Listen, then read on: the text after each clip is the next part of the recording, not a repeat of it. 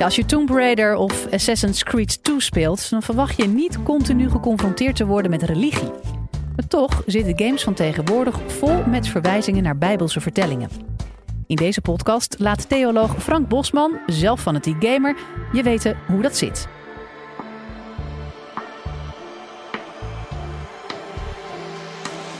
Live vanuit Club Air is dit de Universiteit van Nederland.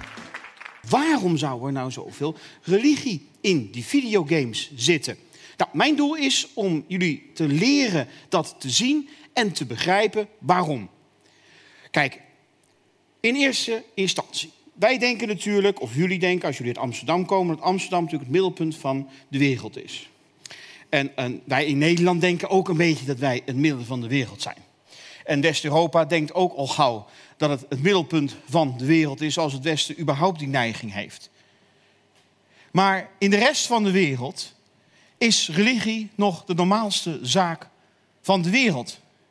En hier in het Westen, in West-Europa en in Nederland, met onze seculiere samenleving, zijn wij eigenlijk de uitzondering, een eiland in een wereldzee vol met religie. En hier in Nederland en in West-Europa zijn we met een seculier experiment begonnen, waarvan we nog moeten afwachten waar het precies gaat eindigen. Dus games die uit andere delen van de wereld komen, uit Oost-Europa, uit Zuid-Amerika, Noord-Amerika, zitten nog vanzelfsprekend vol met religie, omdat daar een vanzelfsprekend onderdeel van de maatschappij uitmaakt. Ten tweede, als wij elkaar verhalen willen vertellen, games zijn verhalen, video's, videoclips, uh, romans, zijn allemaal manieren waarop we elkaar verhalen vertellen. En als wij elkaar verhalen willen vertellen, dan halen we uit ons collectief geheugen halen we zaken die we allemaal kennen. We hebben allemaal een soort rugzakje op onze rug waarin bepaalde woorden en symbolen en thema's uh, verborgen zitten. En als we die eruit halen, weet iedereen gelijk waar het over gaat. Duiven, rozen, bloemen, tuinen, dat soort symbolen. Dus als we elkaar verhalen willen vertellen, maken we gebruik van het rugzakje. Maar dat rugzakje is cultureel bepaald. En wij zijn hier in West-Europa en in Nederland zo'n 18, 1700 jaar lang doordezemd geraakt van die christelijke verhalen over Jezus van Nazareth en alles andere wat erbij hoort. Dus dat zakje van ons, of we dat nou willen of niet, zit nog steeds vol met verwijzingen naar de christelijke traditie.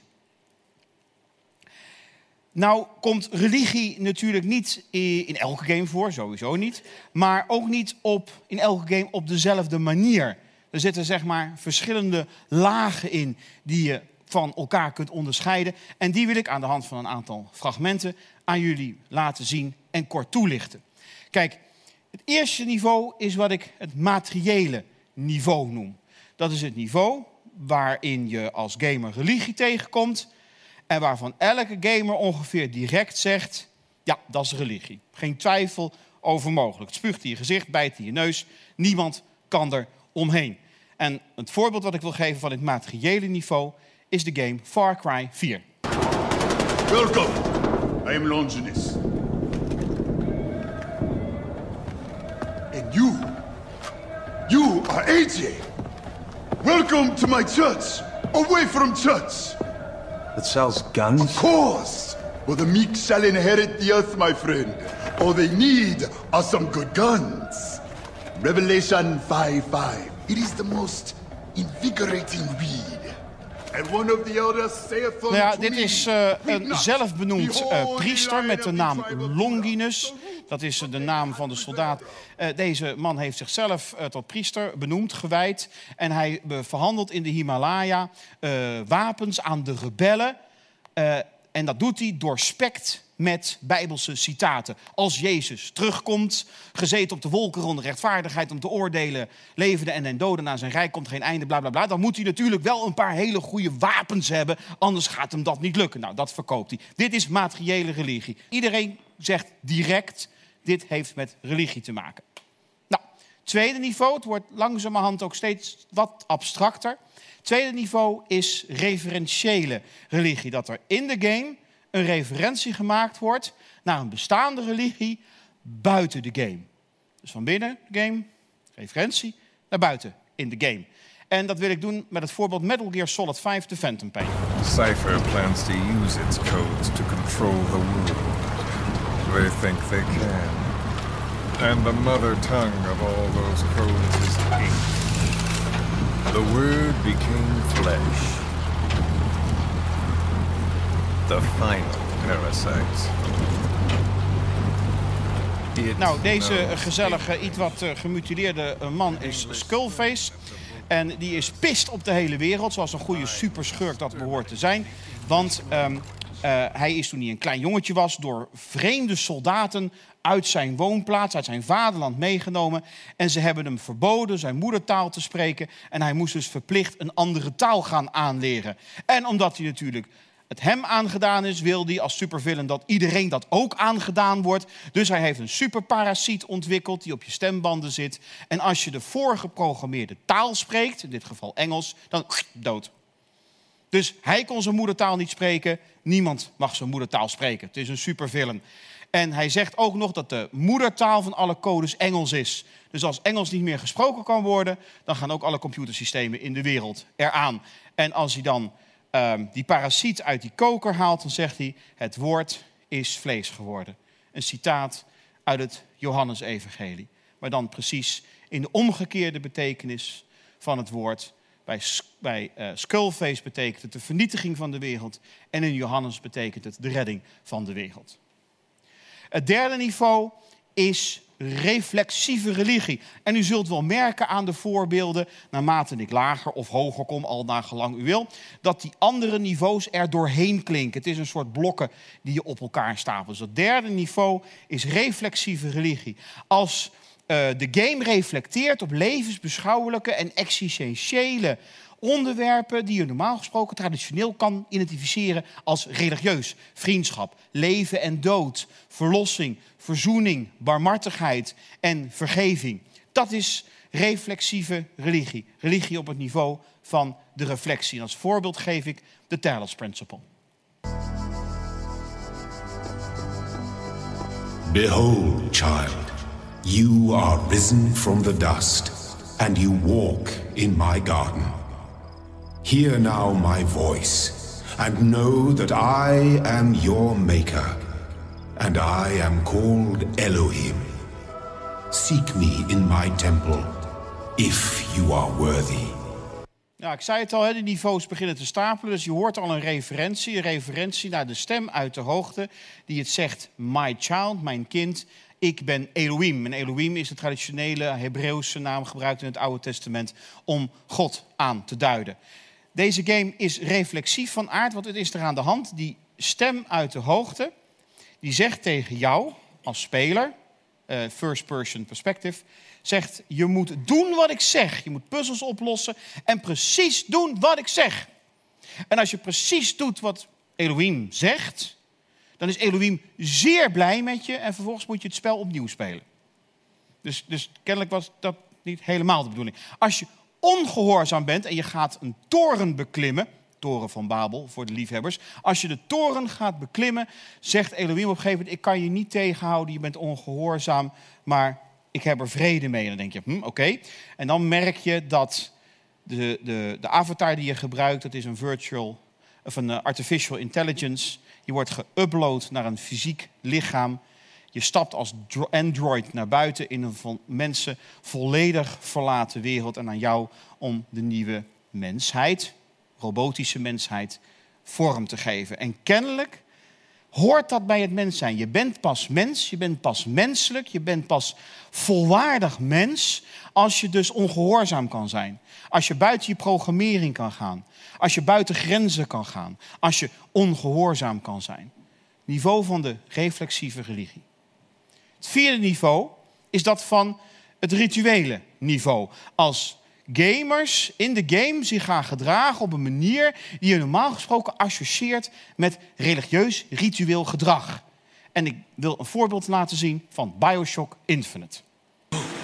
If the prophet had struck down our enemies at wounded knee and not railed against the Sodom beneath us, it would have been enough. If the prophet had just railed against the Sodom beneath us, but not accepted the three golden gifts of the founders, it would have been enough. Colombia in.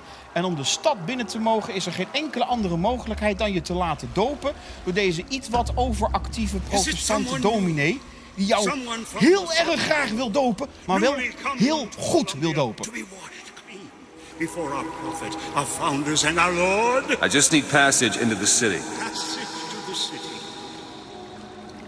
Brother, the only way to Columbia is through rebirth in the sweet waters of baptism. Will you be cleansed, brother? Ja, je moet accepteren, want anders kan je het spel gewoon niet spelen. Dus oké, doe maar. Hey. I baptize you in the name of our prophet, in the name of our founders, and the name of our Lord. En eh, dan blijkt je niet eh, schoongewassen genoeg te zijn. En eh, dan moet nog een keer, hè? I don't know, brothers and sisters, but this one doesn't look clean to me. Nou ja, dan verlies je het bewustzijn of je gaat dood. Dat laat ik eventjes over als u het spel eh, gaat spelen. Eh, we zien hier natuurlijk weer materiële religie. We zien een dominee, we zien een kerk. Het is referentieel, het is een verwijzing naar het doopritueel van de christelijke traditie. Het is reflexief, het gaat over verzoening, over verlossing en over vergeving. En het is ritueel omdat je je als gamer zeg maar in moet voegen in het, in het ritueel, in het religieuze ritueel van het doopsel. En er is zelfs een gamer geweest die dat weigerde op basis van zijn christelijke geloofsovertuiging en heeft eh, het spel vergoed gekregen. Eh, mocht dus inderdaad op basis hiervan het spel teruggeven. Die, die man meende het heel serieus. Mooi om te zien. Het vijfde niveau, het laatste niveau, is dat van het metaniveau. Als het spelen van eh, de game zelf kan worden tot een religieuze handeling in zichzelf. Dat je, dat je als gamer een religieuze act pleegt op het moment dat je die game speelt. Dat je je invoegt in het grotere verhaal van die christelijke verlossingsmythologie. En dat wil ik laten zien aan het voorbeeld van Child of Light. Child, tuck yourself in bed and let me tell a story of Lemuria, a long lost kingdom, and a girl born for glory. In Austria was a crown land ruled by a duke. Aurora was his daughter, child of a duchess mysterious, beloved by her father. He raised the girl alone. They were rarely apart, till the duke felt lonely and misplaced his heart. It was the Great Friday before Easter 1895. Het is de grote vrijdag 1895. Goede Vrijdag. En op Goede Vrijdag moet deze prinses, Aurora, morgenster, morgenlicht... en als je christelijk een beetje gevoelig bent, gaat zal iets prikkelen in je achterhoofd... moet naar de onderwereld gaan, naar Lemuria. Een plek die ooit prachtig en ooit schitterend was. Maar die nu eh, naar de Malachiese geholpen is door de slechte koningin Umbra. Natuurlijk die stiefmoeder van haar vader. En die ook stiekem Aurora eh, vermoord heeft. Dat, dat, dat voel je aankomen. En pas als prinses Aurora uit vrije wil haar eigen leven geeft... om die slechte moeder te kunnen verslaan... wordt zij door haar echte moeder, die afwezige echte moeder... de Mother of Light, de moeder van het licht opgewekt uit de dood. En zo zegt de game narrative. Op paasochtend wordt zij opgewekt. En dan komt ze in de bovenwereld. En de bovenwereld, haar volk, wordt bedreigd door een overstroming, door aardbevingen. En door een magische spiegel weet ze haar volgelingen mee te nemen in Lemuria, wat nu geen plek meer is van ellende, maar een plek van bevrijding en van eeuwig leven. En dat leidt als twee druppels water op het verhaal van wat wij in de christelijke traditie kennen als de nederdaling ter hel. En het verhaal tussen de, tussen de kruisiging van Jezus en de dood van Jezus aan het kruis en zijn opstanding op paasmorgen. Daartussenin, volgens de christelijke verlossingsmythologie, wordt daar de hel, de onderwereld, leeggehaald. Dat is precies wat jij als gamer hier in deze game aan het doen bent.